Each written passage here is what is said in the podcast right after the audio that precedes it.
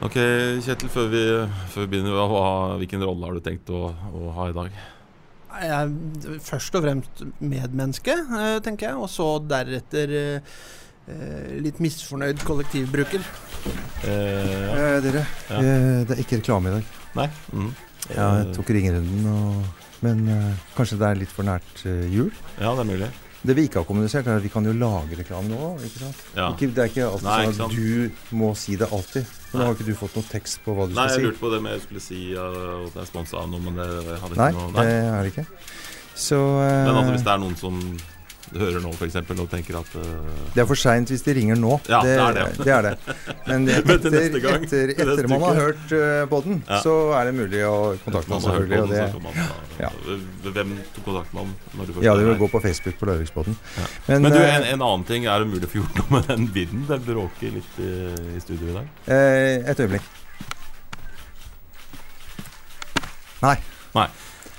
Eh, vel, vel. Takk skal du ha, Ja, Geir Atle. vær så god. Vi får eh, straks selskap her av Tor Atle Oddberg fra Cityplan AS og Hilde Bøkestad, som er eh, kommunalsjef areal og teknikk i Larvik kommune, for å snakke om Bypakke Larvik. Hva slags eh, pakke foretrekker du, Kjetil Wold? Jeg foretrekker jo først og fremst harde bypakker. Eh, f- Bløte bypakker eh, har jeg fremdeles ikke begynt å sette pris på, selv om jeg har passert før. Hvis ikke jeg har sagt det, jeg heter Tormod Ugelstad. Du heter Kjetil Wold, eh, som sagt, eh, Kjetil. Og du som hører på, har lastet ned episode 14 av Larvikspodden.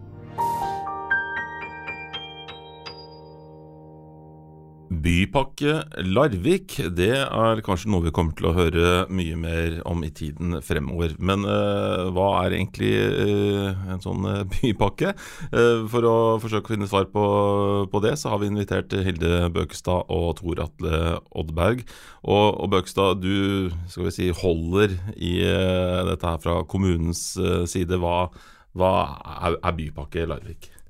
Bypakke Larvik er en, en, en Det er iverksetting av et bærekraftig transportsystem for Larvik. Så det er å prøve å få til en by som eh, da tar dette med bærekraft mer alvorlig. Altså med tilrettelegging for gange, sykkel og kollektiv eh, fremfor økning i biltrafikken. Det er i grunnen egentlig målsettingene for bypakker i Norge. Eh, og det er jo en løsning med, hvor man prøver å finne gode tiltak da, for å få til det, og så finansieres det gjennom eh, finansieringsordninger som betales eh, fortrinnsvis av, av bilistene, Mhm. gjennom eventuelt en bompenge- eller eh, veiprisingsmetode. Mm -hmm. ja, det er utgangspunktet.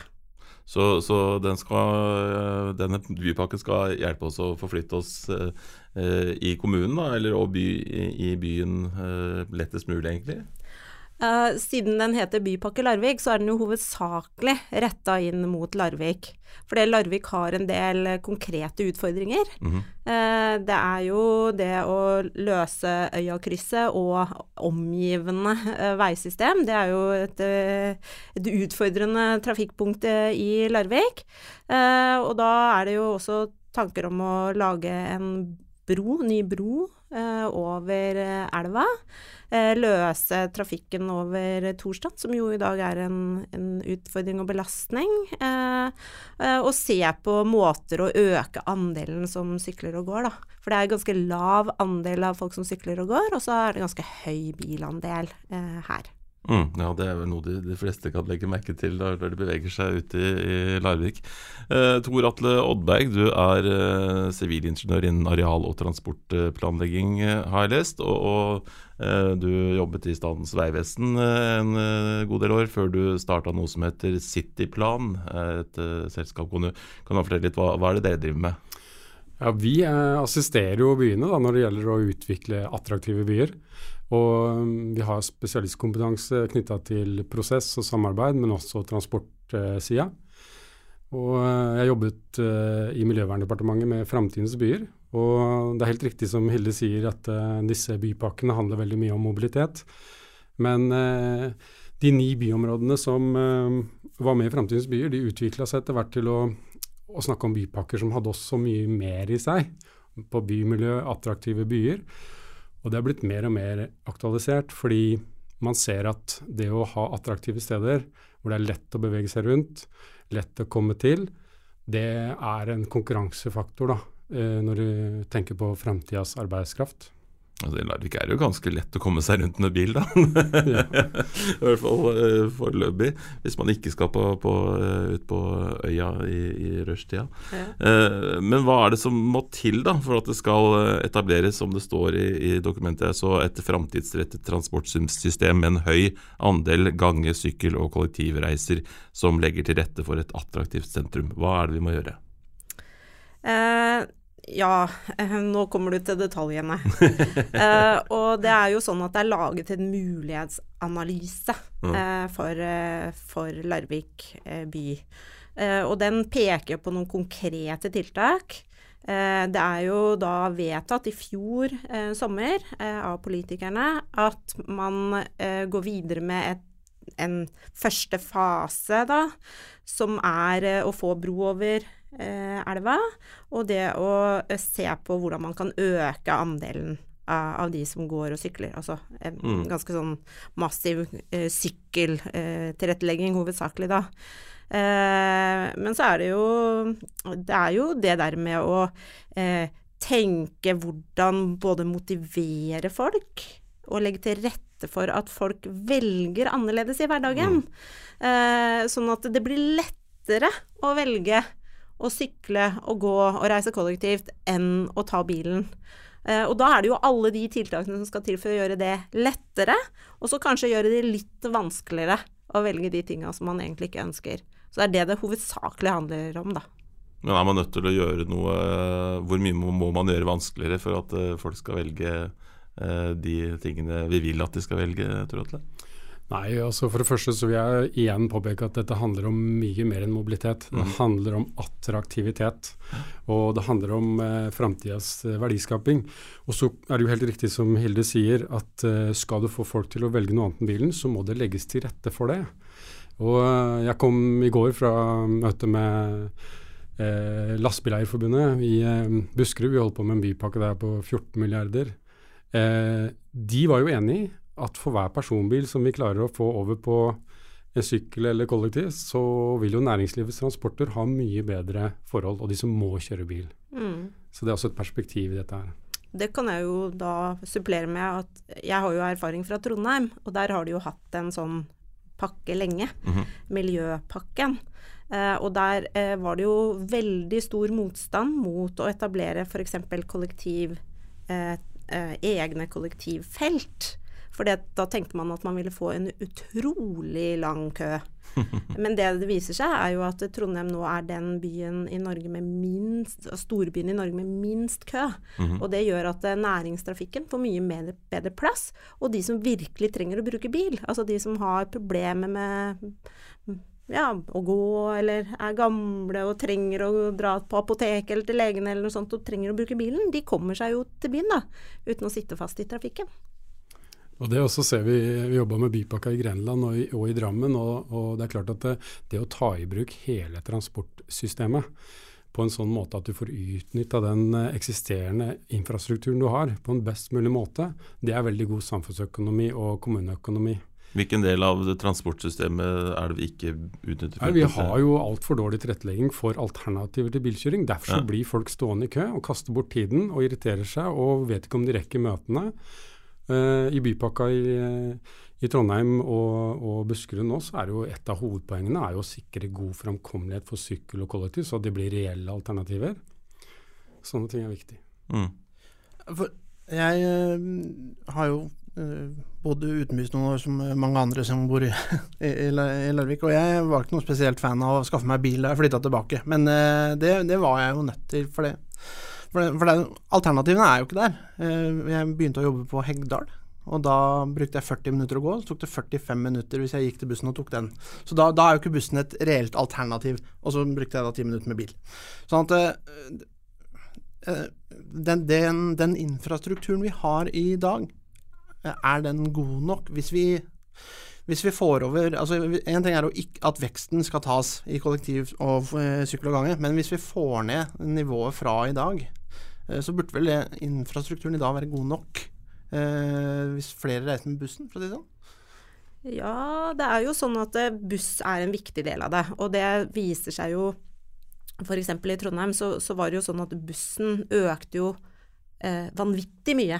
Eh, mye, mye mer enn det man kanskje i utgangspunktet hadde forventet. Så det var en slags lavthengende frukt når de la til rette for bedre frekvens og bedre tilgjengelighet, eh, og lagde pendelruter som gjorde at bussen ble mye mer effektiv og, gikk mer direkte fra A til B hvor folk skulle, da, eh, så ble det veldig mange flere som brukte bussen. Så det var en viktig del av det.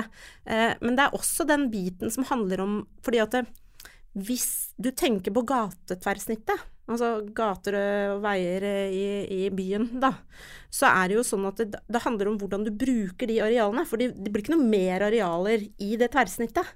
Så da er det jo spørsmål skal du ha parkering, eller skal du ha, eh, skal du ha plass for kollektivtrafikken, eller skal du ha plass for sykkel? Og det er jo ofte en sånn krevende valg. Eh, og det, det, gjør at man må gjennom ganske sånne tøffe runder. Og bilister har hatt veldig god tilgang på det arealet lenge. Eh, på bekostning av eh, en del andre måter eh, Altså eh, kjø kjøretøy, da, eller sånn. Mm. Ja, jeg er veldig opptatt av at vi, vi løfter dette opp og liksom, på, ser helhetlig på Larvik. Ja. Og tenker hvordan er vi i en byregion som til sammen har et veldig spennende bolig- og arbeidsmarkedstilbud. Da tenker du på byene rundt også? ja, måte, hvordan jernbanen på en måte er knytta opp sånn at det er lett å komme til eh, de enkelte byene, ikke bare reise fra dem. eh, det tror jeg er veldig viktig, fordi hvis det er noe som blir viktig i framtida, så blir det grunnlaget for verdiskaping. Altså det er en konkurranse om framtidens hoder. Og så er det å bygge et samfunn som er ganske sånn effektiv bruk av infrastrukturen. Og da er det ett sånn mantra som vi har, det, det er å samle og ikke spre. Altså Vi må tenke langsiktig, og vi må være forutsigbare for at investorer skal være interessert i å investere og satse. Det betyr at uh, du må sette altså Politisk så må man sette en retning på hvor man vil, som er ganske tydelig. og Så må man klare å holde den retningen. Det kan godt være små avvik og justeringer, men man holde en retning over tid. Og da er det jo sånn at hvis man de fleste byer ser på det å ha et levende sentrum som en, noe av det å være attraktiv for framtidas arbeidstakere. Ok, da, hva må til? Da må man diskutere hva må til for at vi får til det, og levende lokalsentra. ikke sant? Da kan man ikke bare si ja og ha til alt. Da må man foreta noen valg. Og da er det sånn at eh, du får ikke noen til å investere et sted hvis, hvis ikke de vet hva rammebetingelsene er. Sånn at eh, vi kan, vi kan ikke holde på å bygge kontorplasser og alt mulig rart ute på E18 og big boxes her og der og tro at vi skal skape et attraktivt Larvik. Mm -hmm. Da har vi bomma. Og hvis du hører på Abax og de som på en måte er litt coming på og nye aktører her, så, så er dette viktig for dem. Det er viktig for dem at de kan tilby noe eh, trivelige urbane kvaliteter når folk ikke er på jobb. men tenker du, men sånn som du ser det, så, så har ikke Larvik en, en, tydelig retning? Jeg tror vi kunne vært mye tydeligere. Jeg syns det er for tilfeldig. Jeg syns man sier ja, man skal satse på sentrum, og så plutselig popper det opp en god idé om en, en big box til eller noe, så er det ja å ha til mm. det òg. Og det er klart at enhver kontorplass er en potensiell lunsjkunde. Så det er, ikke det er ikke likegyldig hvordan vi stiller oss. Det er derfor jeg sier vi må samle, ikke spre. Og det andre er at kommuneøkonomien i framtida blir ikke bedre. Hvis du skal bygge i offentlig infrastruktur, vei, vann, kloakk, brøyting, belysning, til, til et eh, område som sprer seg ut overalt, mm. ja det kan gå bra så lenge vi har oljesmurt økonomi, men framtida er ikke der. Så vi må tenke oss litt om, og dette er et politisk ansvar, å bestille et godt beslutningsgrunnlag fra administrasjonen, så man kan foreta noen retningsvalg for framtida. Det, det Tor Atle snakker om nå, er jo det med samordna areal og transport. Mm. For det er det, hvis vi løfter det dit, da, at det handler ikke bare om eh, bilister og syklister og, og busser. Eh, dette handler om samfunnsbygginga vår, egentlig. Mm. Og, og det, det, er det det med en viss sånn tetthet skaper et potensial for et annet type samfunns... Uh, ja, samfunnskvaliteter, da. Eh, for det, intensitet i byene våre er egentlig en mangelvare, da.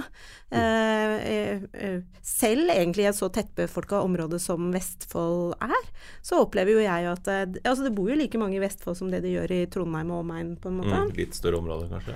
Nei, altså du, du, kan si at fra nord til sør i Vestfold så er det like langt som mellom flyplassen og, og Trondheim sentrum, Ja. egentlig. Det er bare at Trondheim er mye mer sånn kompakt og tydelig som by. Og så er det sånn at, eh, at man driver og eh, bruker den derre mm, transporten eh, som et argument for eh, lokalisering eh, av eh, f.eks. Eh, kontorarbeidsplasser. Eh, og det er jo med på å forringe kvaliteten i det som er de bysentrene. Så det er en utfordring, da. Fordi at det er så effektivt å bruke E18. Mm. Og så har man kanskje ikke hatt den samme effektiviteten i i Trondheimsområdet. Så der har man hatt en tettere og kanskje også en mer målretta by-, areal- og transportplanlegging, da. Bygge byen innover har vært et mantra i Trondheim. Men det her er jo en sånn, Politisk så er det jo en utfordrende pedagogisk øvelse. eh, både fordi at eh, eh, hvis, lyst, altså hvis noen har lyst til å investere seg, så må de da få lov til det. eh, som er liksom ofte mantra. Og så mm, har man kanskje ikke tøff nok politisk ledelse, vil jeg påstå noen ganger. Men eh, så handler jo det her også om, om hvordan vi kan best mulig hvordan man kan få best mulig eh, kommunale tjenester også, i, en, og i framtida hvor det vil jo være en vesentlig innsparing hvis eh, flest mulig kan bo nærme hverandre når man skal yte tjenester til den eldre delen av befolkninga f.eks. Det også er jo ting som er vanskelig å kommunisere som i, når man er nede på enkeltsaker. Det jeg tror man ofte glemmer, da, det er jo det. Og det er litt sånn vanskelig å kommunisere også. Det, det merker jo jeg nå som vi legger fram saker om eh, kommuneplanens arealdel, ikke sant. Eh, og da er det jo dette her med arealbruken. Eh, og det er jo det at det, det fins et stort potensial i fortettingen og i byomformingen. Og det potensialet er ikke, er ikke sånn at man setter av et areal som er gult på kartet. Det er, det er en mangfoldig og krevende oppgave, men det er byutvikling. Eh, og, og siden man da ikke setter det av på kartet, så er det litt vanskelig å forklare liksom, hvor, hvor mange boliger er det, og hvem er det som styrer dette prosjektet og sånn, i forhold til det å sette av et areal som i, kanskje i dag ikke er i bruk til noe annet. Altså, som er, eh, altså de er jo i bruk til noe annet, men det er enten skogholt eller en bergknaus eller en til og med dyrka mark, da. Eh, mm. Ja, så tenker jeg at Hvis man igjen politisk setter seg noen klare mål, så er det lettere å bygge en felles forståelse politisk også for hvor man vil hen. Og, og Det betyr jo f.eks. at eh, ja, skal man eh, kunne gi en potensiell eh, investor som ønsker å bygge kontorer, da, et reelt valg, så kan ikke de som sitter på eiendommer f.eks. i sentrum, sitte bare og se på. Altså Da må man være framoverlent, og man må, man må faktisk tilrettelegge så godt som mulig for å kunne transformere, som Hilde sier, de områdene i byen som er mulig å transformere. Og der er det i norske byer stort potensial. Så man snakker om å transformere byene innenfra og utover, og ikke bare spre ting utover. Mm. Så ser vi f.eks. i i, eh, I Drammen der er det ingen som snakker om å flytte jernbanestasjonen ut av byen. Tvert imot. Der satser jo Stordalen og hotellnæringen stort på knutepunktet med nye hoteller og sånn, for de ser at det med tilgjengelighet og bygging av by har noen store, viktige kvaliteter i, i, i verdiskapingsperspektiv. Da. Ja, sånn som Utviklinga som har vært i, i Drammen, er jo noe som gjerne blir, blir trukket eh, fram eh, når man snakker om utvikling av stedet. Hva kan, hva kan Larvik lære av det? Hva, hva har man gjort der som vi kan uh, uh, bruke her, på en måte? Jeg traff eh, en av nestorene i Høyre i Drammen. Han var her i Larvik for noen år siden og snakka om hva hadde man gjort. En av de tingene han nevnte, det var faktisk at eh, når man hadde prosesser om framtida for å kunne mm, finne ut av hva skal vi gjøre, hvilken retning skal vi sette, så involverte man næringsliv, involverte be, uh, befolkningen, og politikerne ble veldig obs på at oi, velgerne våre er jo kjempeinteressert i dette her. Og så ble det på en måte en eh, legitimitet på, og, og godt grunnlag for å sette retning. Og jeg tror kanskje det å ha sånne typer prosesser, hvor, hvor denne kalde transportplanen blir satt inn i en større sammenheng, da, på hvor vil vi hen, Å diskutere det, og legge godt til rette arenaer for å diskutere det, det gjør også politikerne mer trygge til å foreta noen valg. da. Så ikke det blir så tilfeldig som jeg føler det er nå. Det, er jo nest, det har jo nesten vært i Larvik, for å sette på spissen. Det kan nesten utenfra se ut som det er liksom en konkurranse om å flytte ut flest mulig kontorplasser og mest mulig handel ut av byen. Ja. Og så lurer vi på hvorfor er vi ikke mer attraktive, liksom.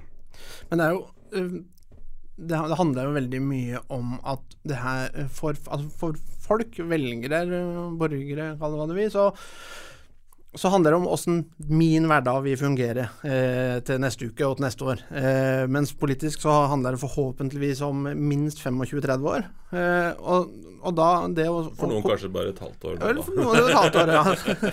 men, men da eh, Det så vi jo da, den, da bibliotekdebatten raste for litt siden. Noe som egentlig var en, noe mye større, men som da endte opp med at folk trodde vi skulle bygge nytt bibliotek.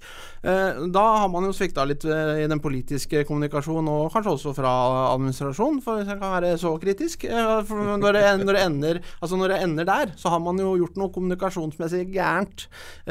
For vi kan ikke diskutere ett og ett bygg. Jeg vet ikke. Altså, jeg tror kanskje det er sånn at det er vanskelig å forutsi den politiske debatten. For den kan ta i veldig mange retninger. og jeg er ikke sikker at det, altså, Administrasjonen kan alltid bli bedre på å kommunisere, absolutt. Men, men jeg, vil heller, jeg vil ikke garantere at det alltid er dårlige saksframlegg eller dårlig kommunikasjon fra Ja, så er det noe med at det- det er lett å ta det. tak i en ting som er litt uh, lett Ja, å forstå. Da, ikke sant? Dette er jo mye- forska på. Ja, Det er mye jo- lettere å forstå at biblioteket skal flyttes, uh, Mm. enn at man skal tenke de store linjene. Dette Ja. skal skje mange år fram til. På samme måte som det er mye lettere å trekke fram at eh, ja, nå blir det bompengering i Larvik. Eh, altså, det er jo det som eh, folk, tror jeg, da, eh, Ja. kommer til å bite seg mest fast i. At det er det som blir det viktigste med by, Bypakke Larvik, er at eh, nå skal man betale bompenger ved, ved Bommestad, holdt jeg på å si. Det er jo den som er den store frykten min, for jeg skal jo drive valgkamp om et halvt års tid. Og den store frykten er jo at det her skal bli en valgkamp som handler om bomring. Eh, For det, det er jo ikke For for det, de, de debattene jeg har sett andre steder i, i landet, de har ikke vært sånn Det har ikke vært spesielt konstruktivt, og det har ikke vært sett i noe, noe helhet. Nei, og det er jo, det er jo en utfordrende politisk sak. Det, det kjenner vi jo til. Eh, Det var jo det i Trondheim også. Eh, Og det er, er jo for så vidt det eh, ennå. For det er folk du, du, du dytter på en måte bort i hverdagen Mm. til folk. Eh, eh, Og så tenker jo jeg da at det, det det med måten å kommunisere dette på, da, eh, det var nok lettest i Bergen for Bybanen. Fordi at der var det så veldig tydelig at lufta ble veldig dårlig. Folk satt bom fast i trafikken, og, og topografien gjorde at dette klarte de ikke å løse ved å øke bredden på veiene, for å si det sånn. Eh, Så derfor måtte de gjøre helt andre ting. Eh, og så har det vist seg at det har gitt noen bieffekter som ikke de helt så rekkevidden av, nemlig byutviklingsperspektivet, hvor du fikk sterk byutvikling rundt disse stoppestedene på Bybanen, og det har gjort at Bergen er blitt veldig eh, på en måte attraktiv, da, eh, i veldig mange sammenhenger. Så det er et veldig klart eksempel. Så er det mer krevende i sånn mer sånn spredtbebygde Du vet at det, en av utfordringene til Larvik, eh, sånn som jeg ser det når jeg liksom har kommet tilbake da, etter, etter 30 år, det er jo det at jeg dro herfra før kommunesammenslåinga i 88, altså rundt da. Sant? Eh, og da var det jo sånn at de kommunene rundt, de var jo sterkt uenig i den sammenslåinga. Eh, mens Larvik by hadde jo ingen folkeavstemning. Sant? Og det har vært det politiske klimaet i Larvik i en periode. Så skal ikke jeg si at det er der ennå, men jeg tror nok byutviklingen og måten man jobber med eh, dette på, da, eh, det er, er nok litt sånn prega av det fortsatt. Fordi at man hadde disse stedene, og man har den forankringa i disse eh, eh, kommunene som var der rundt. Altså Kjølling, eh, du har Brunlandet, Stavern ikke minst, med den sterke identiteten. Eh, og du hadde Hedrum, eh, og nå har vi jo da fått Lardal eh, i tillegg. Sånn at det, det har liksom vært, gjort at du har hatt en helt annen diskusjon her enn i Tønsberg f.eks., eller i Sandefjord, da, for som har bare hatt én stor by. Mm. Eh, og nå da ser jo de hvor vanskelig det er med tre kommuner. mm. Du Tor Atle, som har vært inne i mange ulike bypakker rundt omkring. Hvilke forhold er det ved Larvik som, som gjør at vi må tenke kanskje annerledes her enn det andre har gjort? Altså, hver by har sin struktur og sine utfordringer, så det må man de samme, Selv om problemstillingene er ganske like, mm. så har de behov for ulike løsninger. Det jeg har lyst til å si er at det er veldig forskjell på de byene, hvordan de håndterer dette med finansieringsløsninger og bompenger. Og jeg tror det er veldig eh, klart at eh, vi er ikke der vi var for 15 år siden, hvor man liksom foreslo et prosjekt i Nasjonal transportplan, og så, og så var det en veistump eller et eller annet. Her nå er konkurransen mye tøffere. Man må rett og slett fremme en helhetlig pakke, enten det er en stamvei eller det er en byløsning. Og Der er det sånn at det må gjøres en politisk jobb, for det ligger altså 66 milliarder i Nasjonal transportplan, som er den kanalen som regjeringa har sagt at de skal bruke til utvikling av transportsystemet i byområdene. For eh, det er ikke veldig mange år siden det var null. Eh, det betyr at det er mulig å påvirke rammebetingelsene, også for Larvik, som nå jobber sammen med flere andre byer for å forsøke i neste Nasjonal transportplan å få innpass i såkalte byvekstavtaler, sånn at man kan få en større andel statlig investering. Jeg tror, er, jeg tror, det er, viktig å ikke låse seg fast i sånn ja og nei til bom. Jeg tror mm. det er mm. viktig å tenke finansiering. Hvordan, hvordan kan vi F.eks. Bypakka i Grenland som vi jobba med, den var på 2,5 milliard. Bypakka i uh, Buskerud som vi holdt på med, er på nesten 15 milliarder. Det er klart det er helt forskjell. Uh, det betyr at det går an å tenke trinnvis både på finansiering og utvikling. Eh, og hva kan vi få til med relativt begrensa midler, og hva må eh, vi ha andre løsninger for som, som, er større løft. da. Men hvis man skal få til en sånn bypakke, så, så hvis jeg forstår det riktig, så må man ha et, et større prosjekt, da, på en måte? Ja, altså jeg, en, altså, jeg, en større setting i større sammenheng? Ja, jeg får, jeg får gjenta så Jeg snakka tidligere da med folk i Bypakke Grenland. De sa at uh, de som ikke har planene klare, mm. de blir ikke prioritert. Og de hadde liksom lagd seg et uh, mantra det skal ikke stå på oss. Altså, vi får gjøre det grunnlaget som må til for å vise hva det vi trenger. eh, trinnvis utvikling hva, hva vil det koste, og så gå til staten og få til et samarbeid. Uh, ikke bare sitte med nesten-planer og kanskje ikke være helt klar, men ville ha penger. Ja, Hilde, kommer vi til å være klare? Altså, det som er litt av utfordringen i Larvik, da, det er jo at vi har denne intercity intercity-diskusjonen samtidig. Ja, Da tenker du på hvor jernbanestasjonen skal ligge? Ja, mm. Eh, fordi at det, det, er en del av de forslagene som har vært lagt på bordet i den mulighetsanalysen som har vært laget, som blir påvirket av valg av intercity-løsning. Mm. Mm. Eh, og, og, jeg tenker også at det kan være smart, uh, og det er jo det vi har la, la fram sak på nå, som skal til kommunestyret eh, om hva blir det, halvannen uke, mm. um, og som var i formannskapet mm. nå, det er jo at um, vi må kanskje ta en liten sånn ekstra runde for å se på hvordan intercity påvirker det som er foreslått i den mulighetsanalysen, om vi kanskje skal gjøre litt om på ting, eller om det er noe vi må justere, eller sånne ting, da. Mm. Sånn at vi får en målretta jobbing med dette. Eh, og det er det den saken i utgangspunktet er.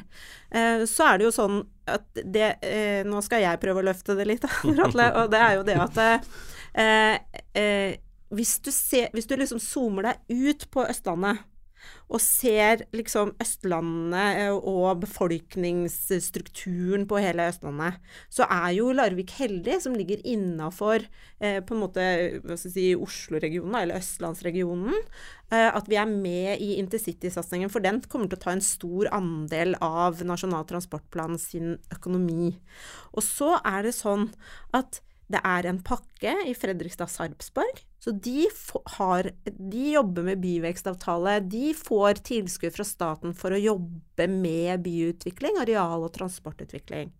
Så har du det samme i Oslo og Akershus, som heter Oslo-Navet. Der har du også en stor sånn pakke.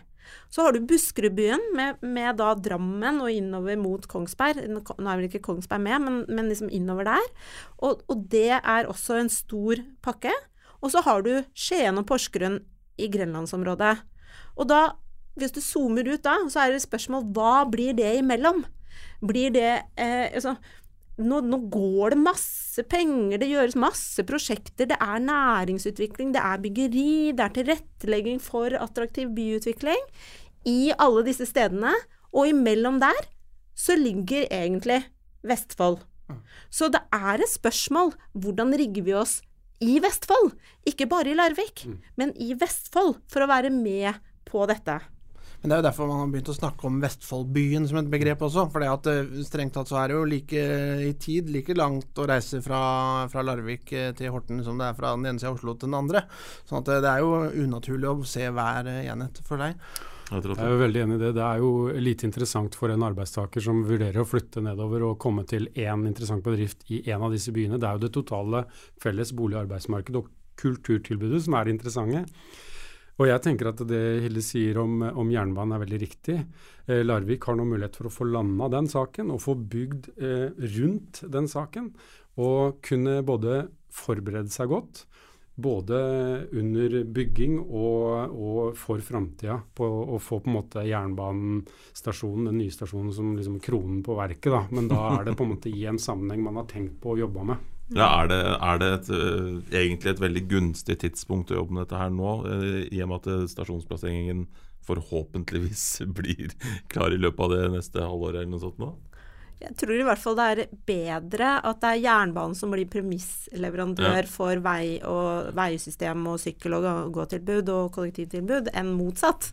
Mm. Eh, for det er, jo, det er jo ofte utfordrende hvis man da hadde laga et svært veisystem, og så skulle liksom eh, jernbanen tråkle seg gjennom det.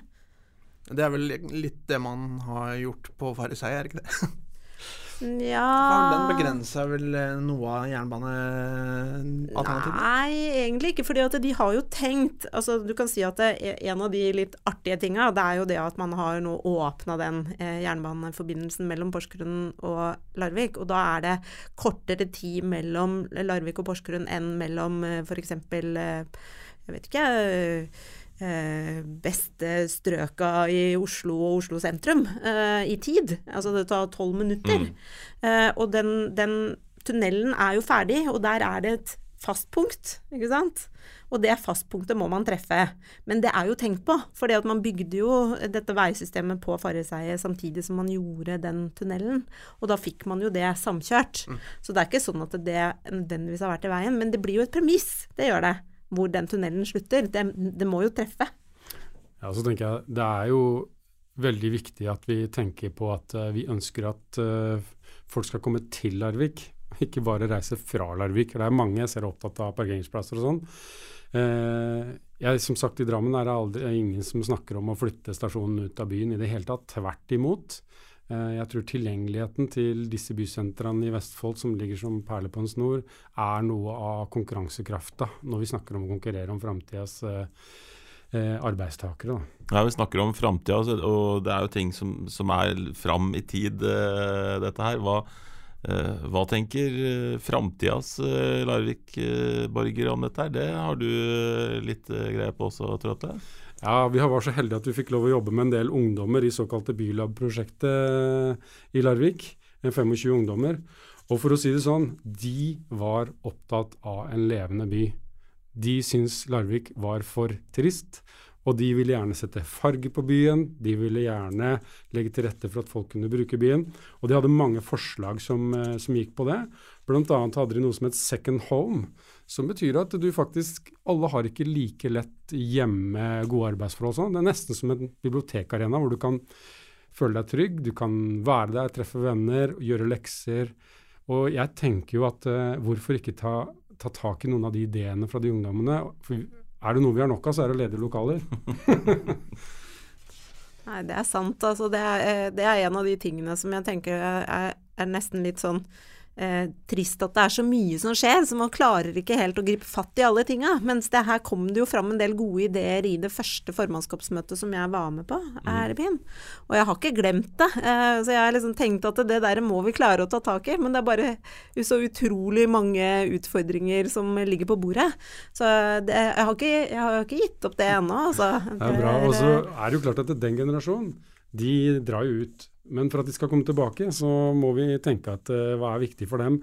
Uh, men før de drar ut, så var de veldig tydelige på det. Men de var også veldig tydelige på, på, på farger, på, på, liv, arenaer, aktiviteter. Gjerne dra mer grønt og bøkeskog inn i byen. Mm. Men også var de opptatt av at uh, det sitter for mye gamle folk da, i, og bestemmer.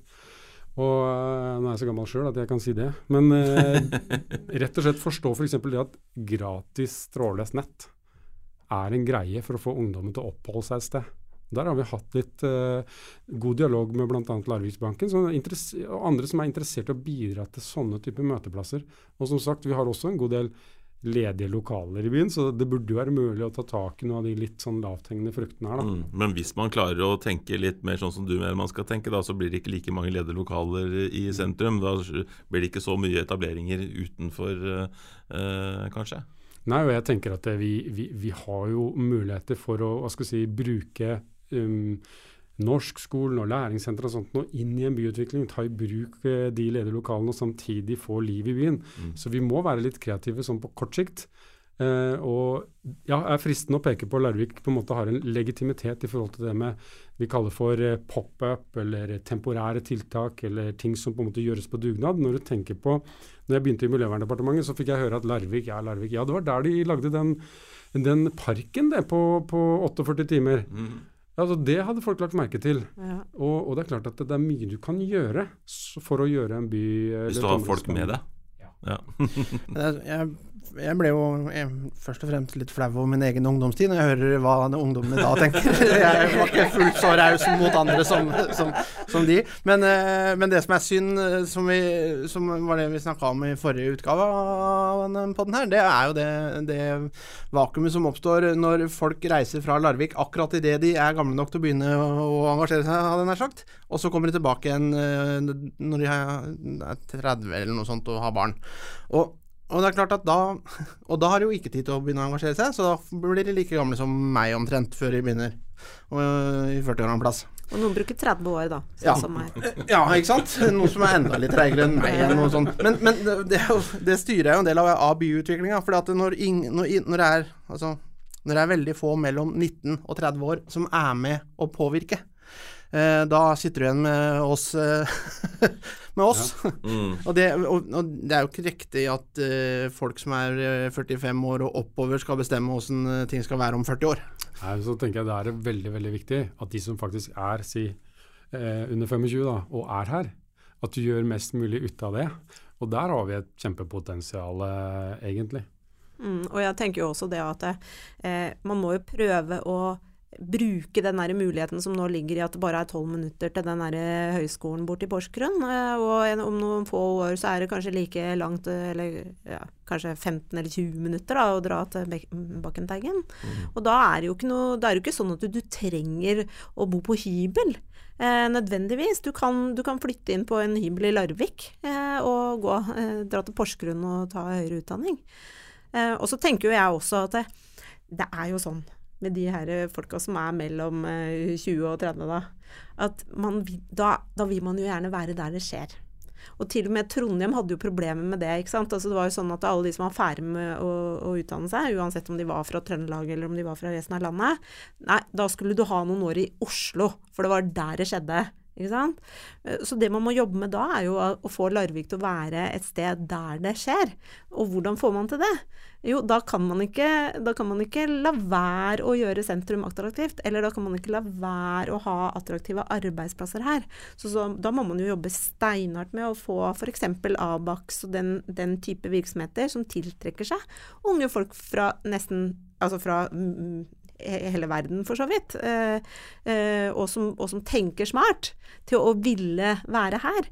Og da vil de ha det attraktivt. Altså, De mm. vil dra ned og bade i matpausen, ikke sant. Men det, I Larvik så er det jo Når det gjelder liv i sentrum i Larvik, da, så, så, er det veldig mange som ønsker seg tilbake i tid. Og det kommer jo ikke til å skje. Kommer jo, altså Larvik kommer jo ikke til å være handlesentrumet sånn som det var på begynnelsen av 80-tallet eller slutten av 70-tallet eller uh, noe som helst. Det, kom, det, det, må jo være andre kvaliteter ved sentrum som vi må utnytte.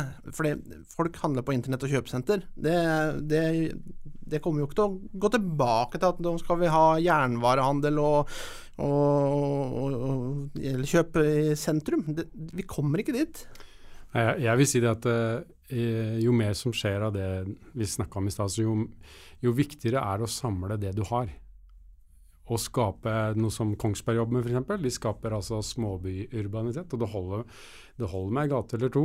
Eh, Nyhavn kjenner jo alle i København. Fantastisk eh, sted, ikke sant. Det er ikke mer enn en 150 meters eh, kai. Eh, det, har, eh, Kongs, nei, det har Tønsberg. Altså, det handler rett og slett om å gjøre best ut av det du har, da, og samle de kreftene som du har. Og I Kongsberg har man f.eks. vært veldig bevisst på at det man har av skoler og kulturanlegg, alt legges i den gågatestripa. Helt bevisst politikk. Og noe av grunnen til det er at FMC og de store eh, ingeniørmiljøene der oppe, de sier at ja, her har vi nok av natur og kulturkvaliteter, fantastisk sted. Men de får jo ikke folk til å bo der. Eh, og folk som kommer utenfra, de vil gjerne ha også den, eh, en viss urbanitet. da, eh, Kunne tilby kaféliv og den type ting. Og der, Det er da jeg tenker også at må eh, Man må begynne å tenke på hva, det, hva, hva er aktiviteter i framtidens byer, da. Fordi at det vil ikke være shoppingsenter som er attraksjonen. Det, det vil kanskje være nisjebut noen nisjebutikker. Eh, det er opplevelsene. Altså det er hva du opplever der. Men det kan også hende at det er sånne ting som handler om f.eks. at eh, nei, eh, du skal, på, du skal på korøvelse, og du skal på yoga, og du skal spille på kulturskolen og sånn, og så drar hele familien ut og spiser middag før de eh, drar til hvert sitt, eh, fritidsaktiv sin fritidsaktivitet, og på den måten bruke byen, da. Men da må du også legge fritidsaktivitetene i byen, sånn at de blir Eh, på en måte de som da velger å, å, gå og klippe seg i den timen som blei til overs imellom der og sånn. Sånn at du får den virksomheten som er knytta opp mot de som bor og lever og virker her. Mm. Og Der, der syns jeg den nye kulturplanen er faktisk veldig god. For den snakker mye om frivilligheten og potensialet for å skape samfunns- og byliv, sånn som Vilde peker på. For det foregår utrolig mye på kulturfronten. Og da er det litt å være litt bevisst på hvordan man utnytter det, og hvordan man legger de aktivitetene, kan være med på å endre det fra et helt død betongby til uh, en levende by, faktisk. Ja, vi, får vel, uh, vi får håpe på det siste, da. Uh, hvis jeg har forstått dette riktig nå, så er det i hvert fall en bypakke. Det er, handler vel så mye om hvordan man plasserer tingene man skal reise til, som hvordan man reiser dit. Uh, så skal jeg avslutte med et litt uh, tabloid spørsmål. Når får vi bompengering? Ja, det er ennå, det er ennå litt tid uh, før vi får til det. For det må en stortingsbeslutning til. Så da må man jobbe fram hva porteføljen i en sånn pakke skal være. Og så må man ha ferdig reguleringsplan for det største prosjektet. Og så må man bygge opp en sak som skal til Stortinget, og så skal Stortinget beslutte. Okay. Og så vil jeg si, når ting kommer til Stortinget, da gjelder det å ha politikere som får eh, prioritert statlige midler til, eh, til Larvik. Takk skal dere ha, Tor Atle Oddberg og Hilde Bøgstad. Det var det vi hadde i denne Larvikspodden. Følg oss på Facebook, hør oss i din podkast-app, eller finn episodene på larvikspodden.no. Takk til ukens gjester Tor Atle Oddberg og Hilde Bøkestad, og takk for i dag til deg, Kjetil Wold. Takk, det samme. Ansvarlig for podkasten er Geir Atle Johnsen, og podkasten produseres av Virvel AS. Jeg heter Tormod Ugelstad.